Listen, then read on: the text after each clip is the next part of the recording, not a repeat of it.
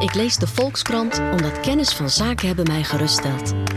En ik mij daardoor sterker in mijn schoenen voel staan. Eigenlijk zou iedereen de Volkskrant moeten lezen.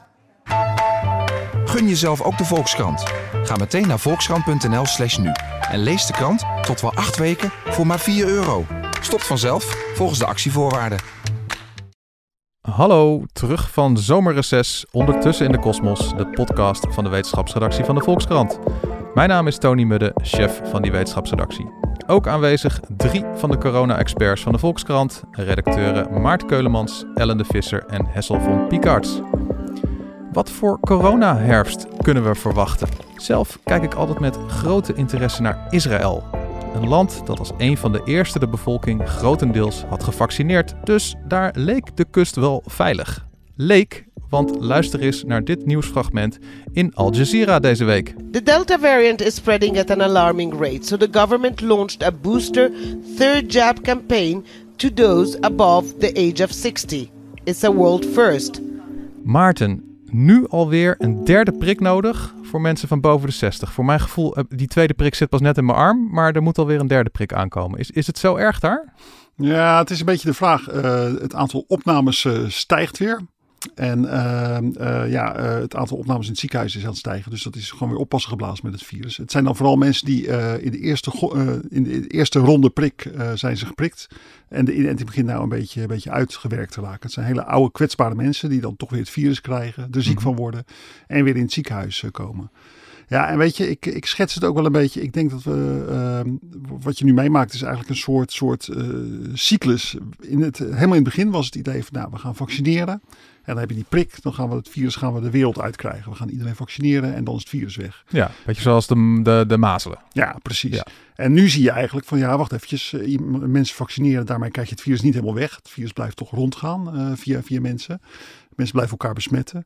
Dus ja, nu komt de vraag van wat moeten we daar nou weer mee doen? En je ziet nu eigenlijk dat het steeds normaler wordt. Het wordt steeds meer een soort uh, griepprik. Dat je gewoon gaat zeggen van nou oké, okay, we moeten de meest kwetsbare mensen, die moeten we gaan inenten. Mm -hmm. Nog een keertje extra, die moeten nog eventjes bijgeprikt worden voor de, voor de winter. Zodat ze niet meer zo ziek kunnen worden dat ze in het ziekenhuis belanden. En verder laten we het virus ja, rondgaan bij mensen die er dan niet zo heel ziek van worden. Een beetje verkouden uh, van worden. Uh, het virus in de neus hebben. Het misschien wel op andere mensen kunnen overdragen. Ja. Maar zelf niet direct in het ziekenhuis uh, belanden. Dus eigenlijk is het een soort, ja het wordt allemaal wat gewoner met het, met het vaccinatieschema. Maar ik vind het toch ook wel zorgelijk dat een land waarvan je het idee had van nou, die hebben het voor elkaar hè. Snel iedereen gevaccineerd. Nou, op een gegeven moment hadden ze zelfs die gezondheidspas, zeg maar onze corona-check-app. Die hadden ze afgeschaft, want uh, nou ja, al wekenlang amper besmettingen, ziekenhuizen ging allemaal goed. Ja. En toen ineens zag je die lijntjes toch weer omhoog gaan. Ja. En hebben ze de corona-check-app weer ingevoerd. En denk je van, oh, dan gaan we weer, weet je wel. Groundhog Day. Zelfs Ja. in zo'n super gevaccineerd land. Ja, precies. Het is ook een beetje gek, eh, gekke fase nu. Want iedereen moet toch ook een beetje wennen aan het idee van ja, wacht even, dit virus blijft gewoon eh, rondgaan. Met zo'n vaccinatie, wat er eigenlijk gebeurt, zijn twee dingen. Aan de ene kant krijg je die antistoffen. Die gaan in je neus zitten, die gaan in je keel zitten. En die houden het virus echt, echt weg. Dat is echt een soort beschermend schildje tegen, tegen infectie. Mhm. Nou, die antistoffen die gaan uh, na verloop van tijd worden dat er minder. Die gaan uh, langzamerhand verdwijnen die.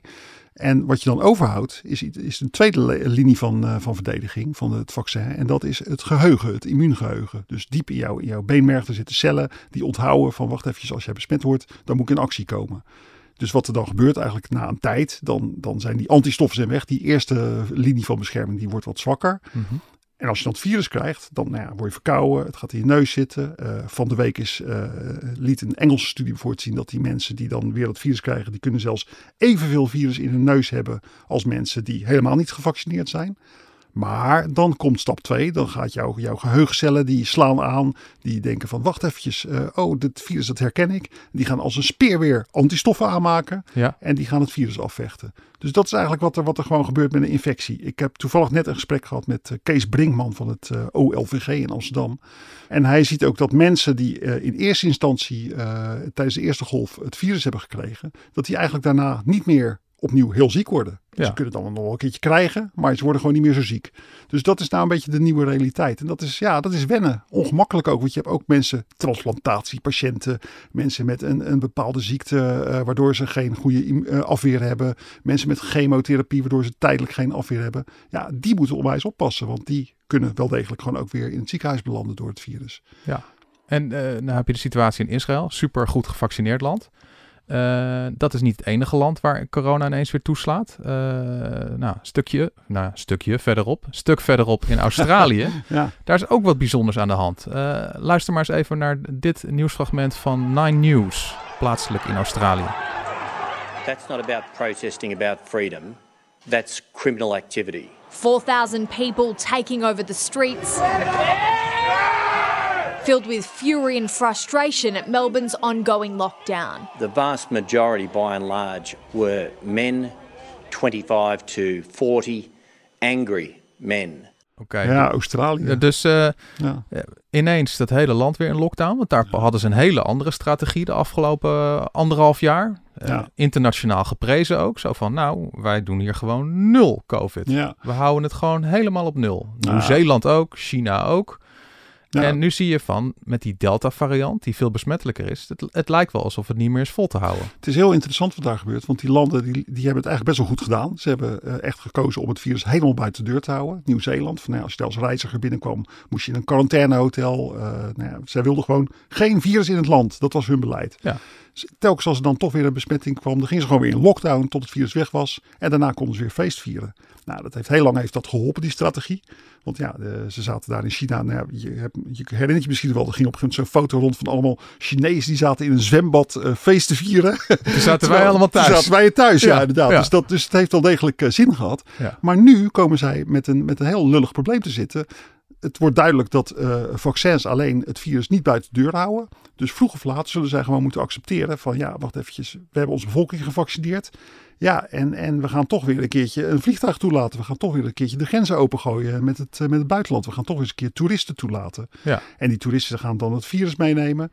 En ja, omdat vaccins het virus niet helemaal tegenhouden, zal het dan toch rondgaan in de populatie. En sterker nog, er zullen ook mensen zijn die erdoor in het ziekenhuis belanden en die erdoor gaan overlijden. Ja. Dus ik las het commentaar van de microbioloog. En die zei ook van ja, die zero, zero covid landen, zoals het dan heet. Mhm. Dus de, de China's en de Nieuw-Zeelands en zo.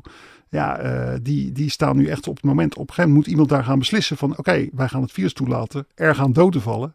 Ja, wie gaat die beslissing nemen? Ja, en wat mij ook opviel, want dan kijk je, je, je kan zo ook internationaal kijken van hoe zit het nou met het aantal gevaccineerden. Dan zit zo'n land als Nieuw-Zeeland gewoon op een kwart pas of zo. Ja, Het, schiet, het schiet daar helemaal niet op. Nou, en, Australië zit ook niet heel hoog. Ik geloof eh, uit mijn hoofd 40% of zo. Dus Ja, dat klopt. Ze hebben eh, toen de eerste vaccins kwamen, dat was nou ja, het vaccin van AstraZeneca, daar waren wat problemen mee. Het beschermde niet zo fantastisch. Er waren mensen in heel zeldzame gevallen die er ernstige bijwerkingen van kregen. En zij hebben toegezegd van, nou ja, joh, wij zitten hier toch lekker achter ons muurtje zero covid te doen. Wij wachten gewoon tot er veel betere vaccins eh, komen. Ja. Dus ze hebben eigenlijk dat vaccinatietempo hebben ze een beetje, ze hebben het een beetje uitgesteld. Ja, en eh, nu moeten ze wel eh, op de bladen zitten, want ze zitten nu in een land waar niet zo heel veel mensen gevaccineerd zijn. Waar het heel onrustig wordt omdat de Delta variant, nou in Australië is die Delta variant aan, echt aan het rondgaan al. Mhm. Dus dat houden ze niet meer tegen. Dus ze zitten daar in lockdown en ja, ze weten niet meer welke kant ze op moeten nu. En zou het ook nog zo kunnen zijn dat, nou ja, als jij anderhalf jaar lang op een plek hebt gewoond waarbij jij niemand kent die corona heeft gekregen, eh, bijna niemand aan dood gegaan, bijna niemand ziek van geworden. En als je dan een campagne begint met laat je vaccineren, dat je daar toch heel anders in staat dan wanneer je denkt van, oh ja, oh ja, ik ken een, eh, de leraar van mijn kinderen heeft het Ja. gehad en is bijna dood gegaan. En, eh, en we hebben helemaal lockdowns Ja, precies. Je krijgt natuurlijk dat, dat soort dingen gaan allemaal meespelen. Ja. Maar intussen is zeker in, in Australië, ook in China overigens, begint het humeur toch wel heel eh, slecht eh, te worden. Mhm. Wat nu bijvoorbeeld op social media heel erg rondgaat, is het verhaal van dat in een, in een, in een Australisch dorpje. Daar hebben ze in een kennel, voor zielige hondjes, hebben ze 15 honden doodgeschoten. Omdat ja, uit, eh, de, de oppassers van die honden, die moesten uit een andere gemeente komen. En ja, die mochten dan eigenlijk die reis niet maken vanwege de coronamaatregelen. Oh, goed. Nou ja, dat geeft dan, ja, weet je, je, je kunt het raden, hè? Die, eh, dode dieren, zielige diertjes, die worden doodgeschoten vanwege corona. Dus alle ja, corona-demonstranten, die zijn hier laaiend over van, ja, kom op, wat waar zijn jullie nou eigenlijk mee bezig daar in Australië? Ja, ja, En ja. ze hebben natuurlijk niet helemaal ongelijk als je dit soort extreme eh, dingen gaat krijgen. Ja. Ik zag ook een filmpje van ja, een feestje van jongeren die ergens aan een rivier bij Sydney hadden ze een illegaal feestje georganiseerd. Nou ja, in Nederland komt dan de oom-agent aan en die deelt misschien één boete uit en die stuurt mensen naar huis. Ja. Maar daar werden die jongeren die werden echt besprongen door de politie, door de Australische politie. IJzeren handboeien om, die lagen echt zo op de grond, eh, weet je wel, echt als, als een soort zware criminelen. En die krijgen dan ook echt duizend eh, dollar boete. Dus dat is echt, ja, in Australië. Die gaan er echt is, hard in. Dus ja. Zero COVID, dat proberen ze gewoon nog Ja. vol te houden. En Blijkbaar. gisteren was zelfs in China, nou ja, het brave China, waar toch ja, een soort dictatuur is, waar eh, de overheid echt streng is, waar je toch niet je vinger moet opsteken naar de overheid. Ja. Daar was zelfs een relletje, want er was een, eh, ja, een boze Chinees die had eh, ja, bij een, eh, een wegsperring had die, eh, was hij gaan slaan. Dus eh, dat ging ook rond op social media. Dus nou ja, als zelfs in China al eh, ja, ongeregeldheden beginnen te, los te breken. Ja, zo zie je toch dat allerlei landen nog steeds behoorlijk in hun maag zitten met het virus. En dan zwenk ik nu even de camera aan naar Nederland. Eh, eh, Hessel, eh, waar zitten we ongeveer met de vaccinatiebereidheid in Nederland? Ja, we gaan in Nederland eh, richting de 85% eh, volledig gevaccineerd. Eh, Ja. dat, is een, eh, dat is een goede vaccinatiegraad. eh, maar, maar daarboven lijkt niet heel erg veel eh, ruimte te zijn voor, eh, voor nog heel veel meer verbetering van de vaccinatiegraad. Het is vooral procentjes sprokkelen waarschijnlijk. Hè, Mhm. Met eh, prikbussen, de, de wijken in. Hè, de GGD's zijn daarmee bezig. Acties, voorlichtingscampagnes. Ja. En, eh, en daar zijn ze aan het kijken om toch nog mensen te overtuigen de, de, de prik eh, te halen. En ook zoveel mogelijk mensen de kans te geven eh, om die prik toch te halen. Want je hebt het over sprokkelen, dus die, die 15% die, die, die staat er wel redelijk rigide in dat ze die prik niet willen. Ja, een, een, een deel staat er rigide in. Dat heeft natuurlijk te maken met religieuze bezwaren die bepaalde mensen hebben tegen vaccineren. Mhm. of andere principiële bezwaren.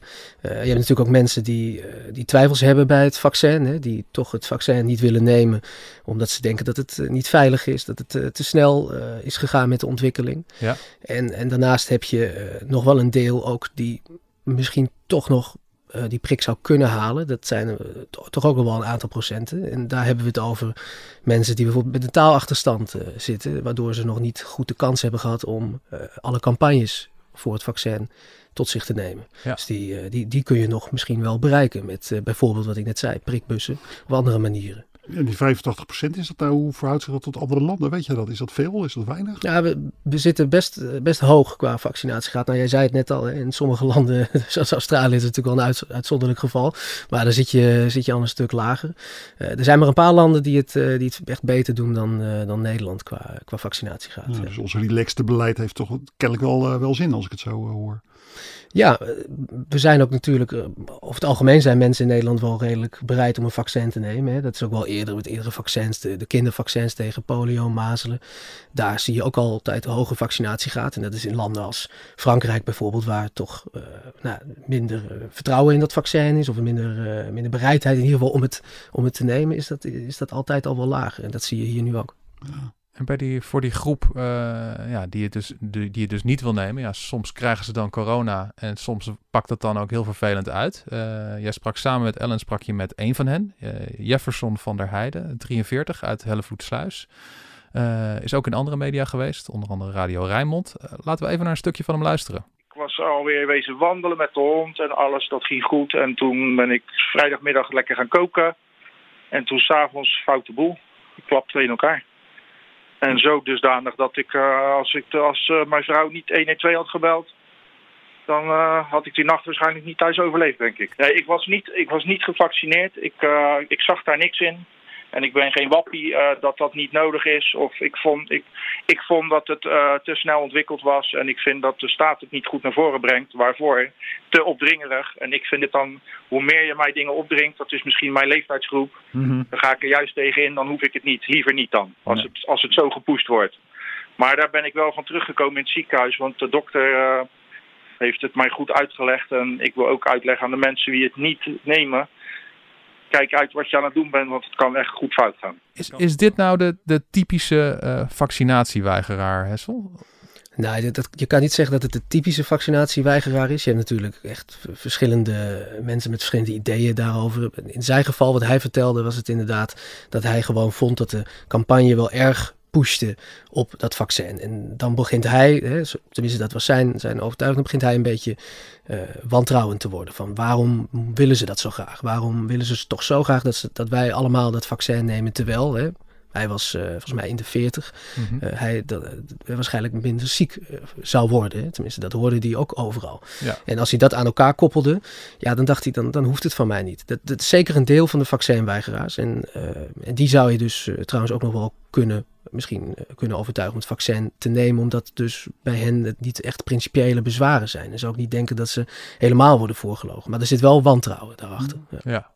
Ik snap dat ook wel hoor, moet ik zeggen. Want weet je, we zijn aan de ene kant zeg je van, van ja, oké mensen, je hebt de vrije keuze. Je, uh, wij verwachten van onze burgers dat zij zichzelf informeren en dan een afwogen keuze maken. Ja, vrijheid hoor, we hebben geen vaccinatiedwang. Ja, en aan de andere kant ga je toch op allerlei manieren ga je van, ja, ja je, bent niet, uh, je krijgt niet zo makkelijk een QR-code als jij uh, niet gevaccineerd bent. En ja, in de zorg, nou ja, dan moet je, ben je toch echt wel een onverantwoordelijke sukkel als je je niet laat vaccineren. Dus op allerlei manieren ja, je kan niet aan de ene kant zeggen van we hebben keuzevrijheid en aan de andere kant zeggen van, uh, van ja, toch allemaal uh, trucjes uithalen om mensen toch aan die vaccinatie te krijgen. Dus ik, ik snap die mensen wel. Ja. En uh, Maarten, die, die, die 85 procent hè? Ik bedoel, als, als ik in mijn leven 50% van de doelen haal die ik mijzelf stel, dan ben ik, ben ik reuze tevreden. Ja. Waarom is het niet gewoon genoeg? Dat je zo Ja. denkt van, nou ja, dan de, die 15%, ja, die krijgt dan gewoon een keer corona. En nou, een klein deel daarvan eh, belandt in het ziekenhuis. Nou, dat, dat, dat kunnen we dan nog wel aan. En eh, Nou, dat, dat, zo redden we het dan wel. Ik denk, daar stel je gewoon een hele moeilijke gewetensvraag van. van eh, hebben we, ik vroeg dat trouwens ook aan die Kees Brinkman die ik eh, voor de uitzending sprak. Ik vroeg van, joh, hebben we nou niet gewoon eigenlijk, als je het van een afstandje bekijkt, hebben we niet te veel mensen gevaccineerd? Te veel. Ja, want we hebben ook dertigers, twintigers gevaccineerd. Terwijl ja, die mensen, hoe je het ook bekijkt, die worden niet zo heel erg ziek van het, eh, van het virus. Mhm. Nou ja, dat is, dat is een moeilijke vraag. Dat moet je dan echt gaan uitrekenen en gaan modelleren. Het is namelijk wel zo van ook twintigers, die belanden heel, heel, heel af en toe, belanden ze wel degelijk ook in een ziekenhuis. Ja. Ja, dat kan je natuurlijk voorkomen met, met vaccinatie. Maar dat idee van we moeten iedereen vaccineren, want dan haal je het, eh, het eh, virus uit de maatschappij. Dan kan je, eh, krijgen wij zero covid, dan is het virus weg, net als de mazelen. Mhm. Dat idee, dat is echt een beetje aan het wankelen. Nou ja, aan het wankelen, zeg maar gerust, dat idee is achterhaald. Ja. En dan is natuurlijk de volgende vraag van ja, ja, moet je dan eigenlijk wel 100% van de mensen vaccineren? Is het niet genoeg als je alleen de kwetsbare mensen vaccineert? Ja. En ja, eh Hessel, jij hebt natuurlijk in het ziekenhuis mensen ge- gezien die daar, ja, die daar toch terecht waren gekomen. Ik denk, waren daar ook jongere mensen bij? eh? Nou, de- in dit geval, deze Je- Jefferson was natuurlijk, hoorde bij de wat jongere groep. Die is in de 40. Dan, eh, dan heb je over het algemeen een veel minder grote kans om, eh, om, om opgenomen te worden in het ziekenhuis. En bij hem was het toch gebeurd. Hè. Dat is natuurlijk ook wel deels natuurlijk de pech die je kunt hebben. dat het bij, bij hem wel zo heftig was. Ja. Bij veel zal het niet zo zijn. Maar dus hij was na de tijd wel ervan overtuigd van, om het vaccin te nemen. Hij gaat het ook alsnog doen. Ja, ja, ja. Ehm, wij hebben, hebben ook een soort eh, open redactie. Daar kunnen lezers zich voor aanmelden. En dan eh, ze krijgen ze af en toe een vragenlijst met wat wil je nog weten over een bepaald onderwerp. Eh, en er is ook weer eentje gestuurd van wat wilt u nog weten over eh, vaccinaties? Of wat zijn uw opmerkingen die u kwijt wil aan de redactie? En daar zag ik toch een aantal keer dat mensen invulden van... Nou, als je nu na anderhalf jaar lockdowns en al die informatiecampagnes... eh, nog steeds zo stom bent, even tussen quotes, hè, dit, zeggen een aantal lezers, om je niet te laten vaccineren, dan eh, eigen schuld, dikke bult hoor. Als je dan nog ziek aankomt in het ziekenhuis en je bent niet gevaccineerd, eh, zak er maar in. Daarvoor wil ik niet meer mijn, mijn cultuurcentrum sluiten of, de of mijn horecatent dicht moeten doen. Dan, dan ben je gewoon een, een vervelend mannetje of vrouwtje en is het gewoon je eigen schuld. Eh, jij hebt ook wat mensen in ziekenhuizen gesproken en ook dat dilemma voorgelegd. Zoiets van, ja, eh, is, is het niet ook een beetje eigen risico als je ervoor kiest om je niet te laten vaccineren? Hoe, hoe kijken zij er tegenaan in de ziekenhuizen? Ja, ze zijn een stuk milder dan eh, de lezers die hier Ja, eh, reageren. een aantal Dat, eh, lezers, dat hoor, waren dit. Ja. Ehm, dat sowieso. Ja. Nee, kijk, ehm, in de ziekenhuizen is, die hebben natuurlijk allereerst een zorgplicht. Hè. Als, als iemand ziek wordt, en het maakt niet uit of, of iemand nou eh, ziek wordt door, nou ja, misschien eigen toedoen kan je niet zeggen, want je kiest er niet voor om COVID te krijgen, maar in ieder geval je hebt het vaccin niet genomen, dus je hebt misschien een risico genomen. Ja, dat maakt niet uit voor artsen om jou natuurlijk te helpen. Dat doen we ook niet bij andere ziekten, eh, ook niet bij andere aandoeningen die je misschien zelf had kunnen voorkomen met je eigen gedrag, hè, door je eigen gedrag aan te passen. Eh, dus daar, daar leeft die discussie in ieder geval niet van, hè, eigen schuld, dikke bult. Eh, Ja, eigenlijk omdat je dat, zegt van, eh, ik bedoel, ik ging vroeger wel eens, toen ik nog geen kinderen had, ging ik off-piste skiën. Ja. En ja, Dan had ook iets mis kunnen gaan. Dat is dan mijn eigen risicovol gedrag. Precies. En dan had ik het waarschijnlijk niet zo leuk gevonden als ze dan in het ziekenhuis hadden gezegd van ja, was maar gewoon op de piste gebleven. De deur blijft dicht, meneer Mudde. Nee, dat zou ook echt heel, eh, lijkt me ook heel vervelend als je dat krijgt te horen. En in, in het geval dat je inderdaad dat had gedaan uh, zonder enige ervaring uh, en je was op piste gegaan, dat je het misschien jezelf nog wel heel erg kunnen verwijten. Uh, maar in het ziekenhuis zullen ze dat. zullen ze ja, dat dan is natuurlijk ook het hek van de dam, hè? Want dan krijg je rokers, mensen die te zwaar zijn, ja, te hard rijden. Te hard rijden. Dan moet je bij iedereen die bij de poort komt zo van, hoe bent u er eigenlijk terechtgekomen? Had u dat niet slimmer? Ja, nee, dat wordt heel ingewikkeld. Ja, precies. Dus artsen en ziekenhuizen die zeggen ook van, nou, we vinden het heel belangrijk dat we solidair blijven naar die, naar die groep. Dat, dat in ieder geval die solidariteit blijft bestaan. Ze zeggen daarnaast wel van ja, moeten we met de hele samenleving maatregelen nemen om de mensen die er bewust voor kiezen om niet te vaccineren te beschermen tegen ziekte.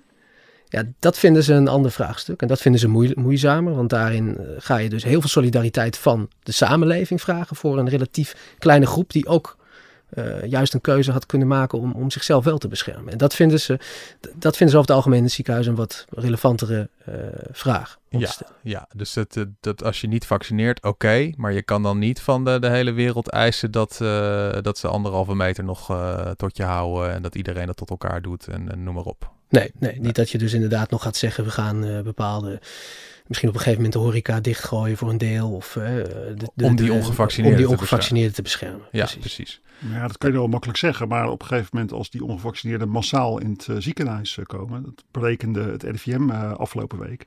Dan ligt de, liggen de ziekenhuizen gewoon weer vol. En dan komen de IC's weer vol.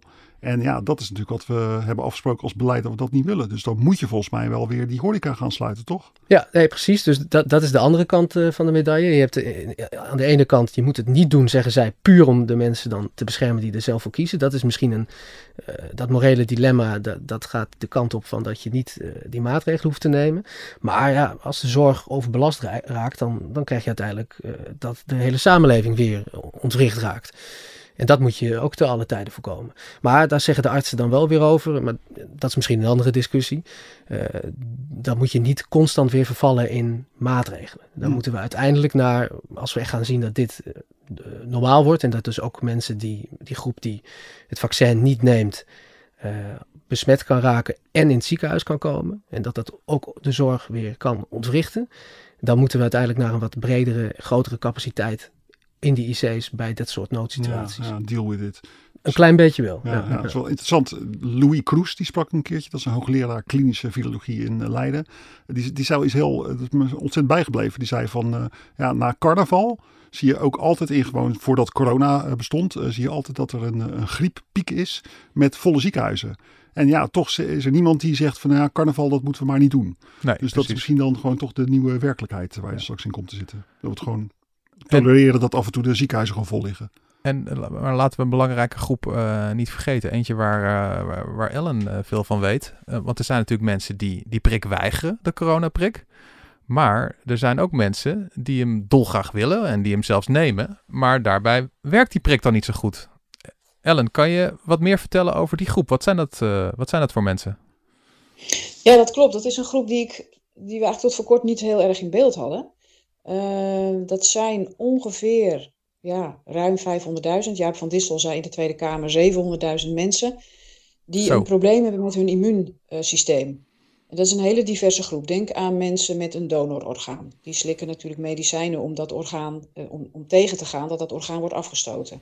Mm-hmm. Uh, denk aan mensen die aan de nierdialyse zitten. Denk aan mensen met kanker die chemo krijgen. Denk aan mensen met een auto-immuunziekte. Heel veel mensen met, hè, zijn heel veel mensen met een auto-immuunziekte, reuma en MS. Die krijgen ook medicijnen om hun, om de, om hun over, de overdrive van hun afweer een beetje te temperen. Ja. Maar goed, die hebben allemaal een probleem met hun immuunsysteem. En dat vaccin wil nu juist dat immuunsysteem iets leren. Dus het kan best zijn dat dat die mensen daar dan, ja, als, ze, als ze gevaccineerd worden, toch niet goed op reageren. Nou, tot voor kort wisten we daar niet zoveel van. Mm-hmm. Uh, vorige week zijn de eerste vier studies, uh, hebben de resultaten gepresenteerd. Van, van, ze hebben acht groepen onderzocht. De eerste vier zijn nu bekend. Uh, het mooie nieuws is dat sommige groepen heel goed reageren. Bijvoorbeeld mensen die ehm, nierfalen hebben of die, die aan de nierdialyse moeten, die schijnen of die blijken heel goede antistoffen te maken. Maar mensen die een donorlong of een donornier hebben bijvoorbeeld, die doen het heel slecht. Dus dan ben je gevaccineerd. Ik heb ook met mensen gesproken. Die zeiden, ja, ik, ik heb gewoon twee vaccins gehaald.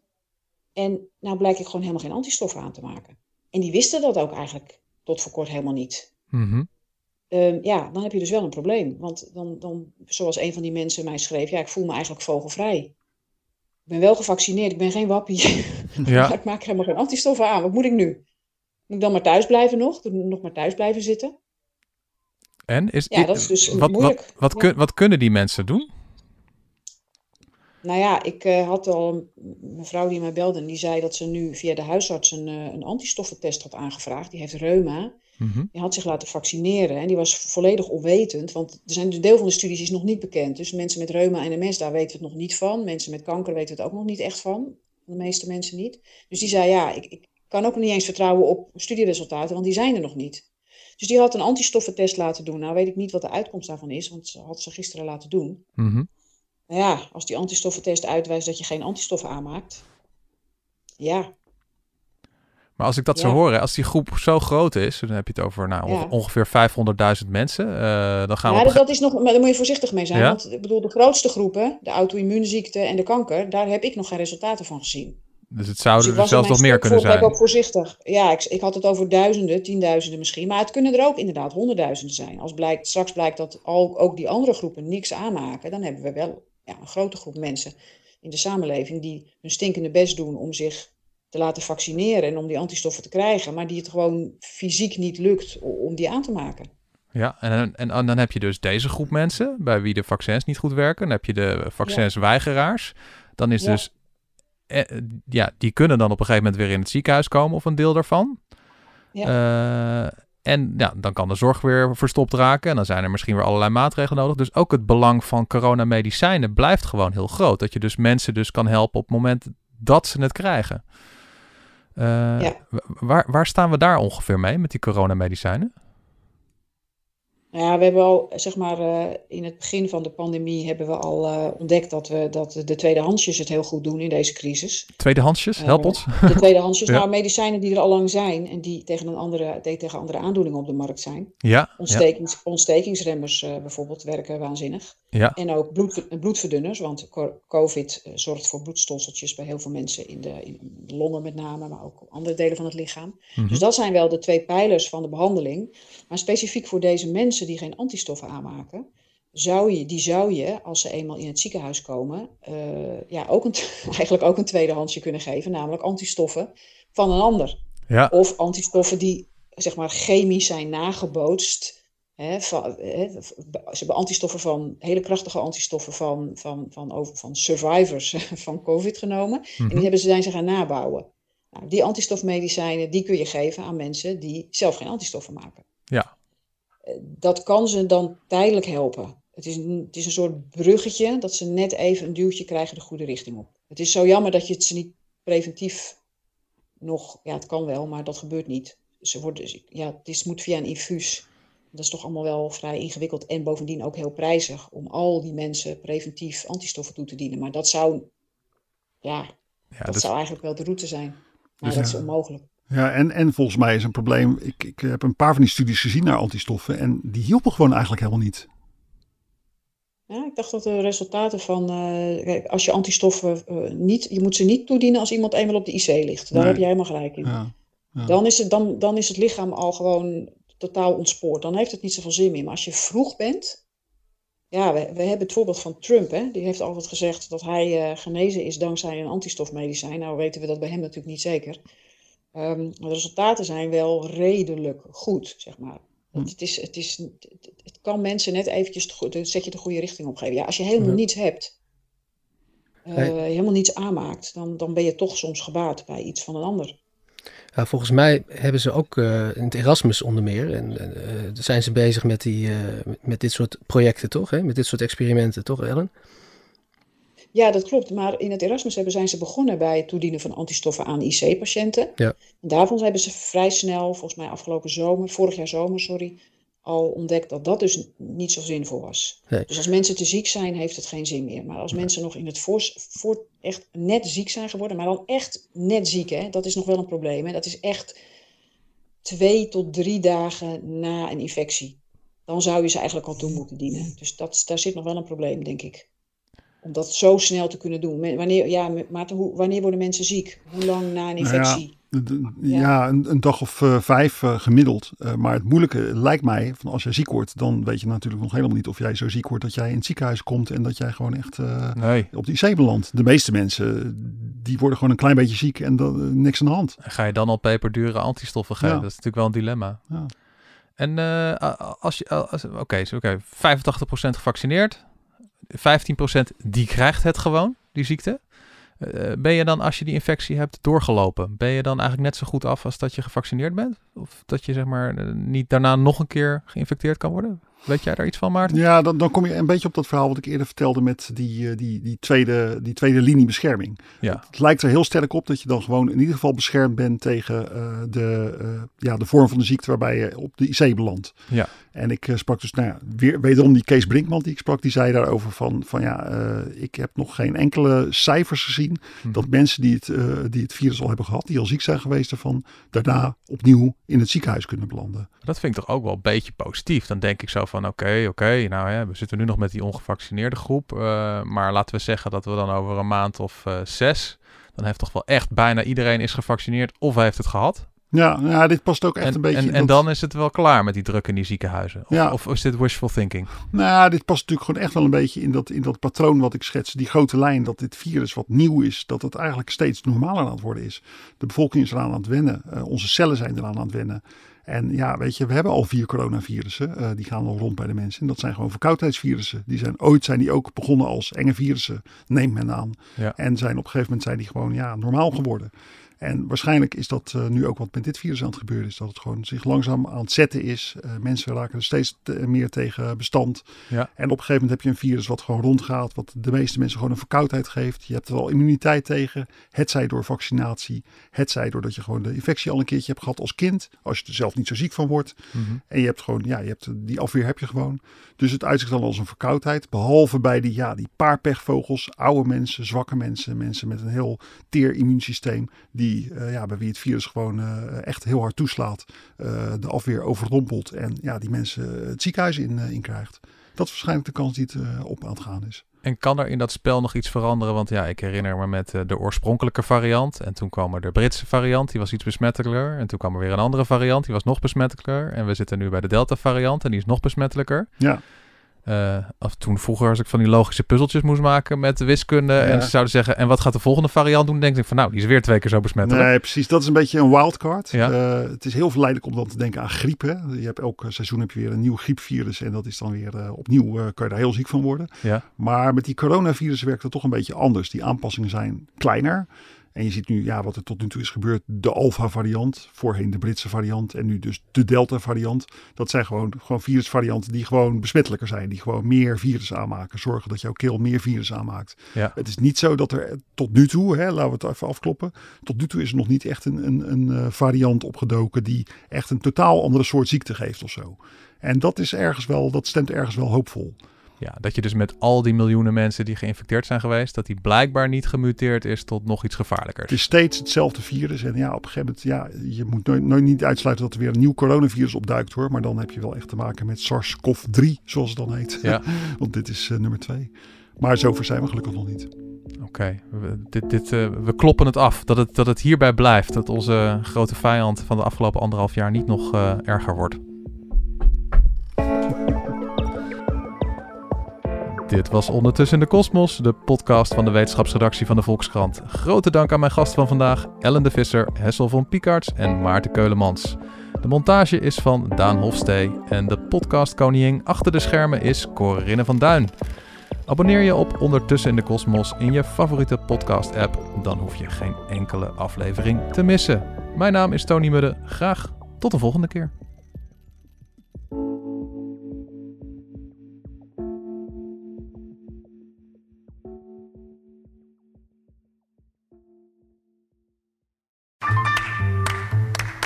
Ik lees de Volkskrant omdat ik altijd alle kanten van een verhaal wil weten. En ik nieuwsgierig ben naar de mening van anderen. Eigenlijk zou iedereen de Volkskrant moeten lezen. Gun jezelf ook de Volkskrant. Ga meteen naar volkskrant.nl/slash nu. En lees de krant tot wel acht weken voor maar 4 euro. Stopt vanzelf, volgens de actievoorwaarden.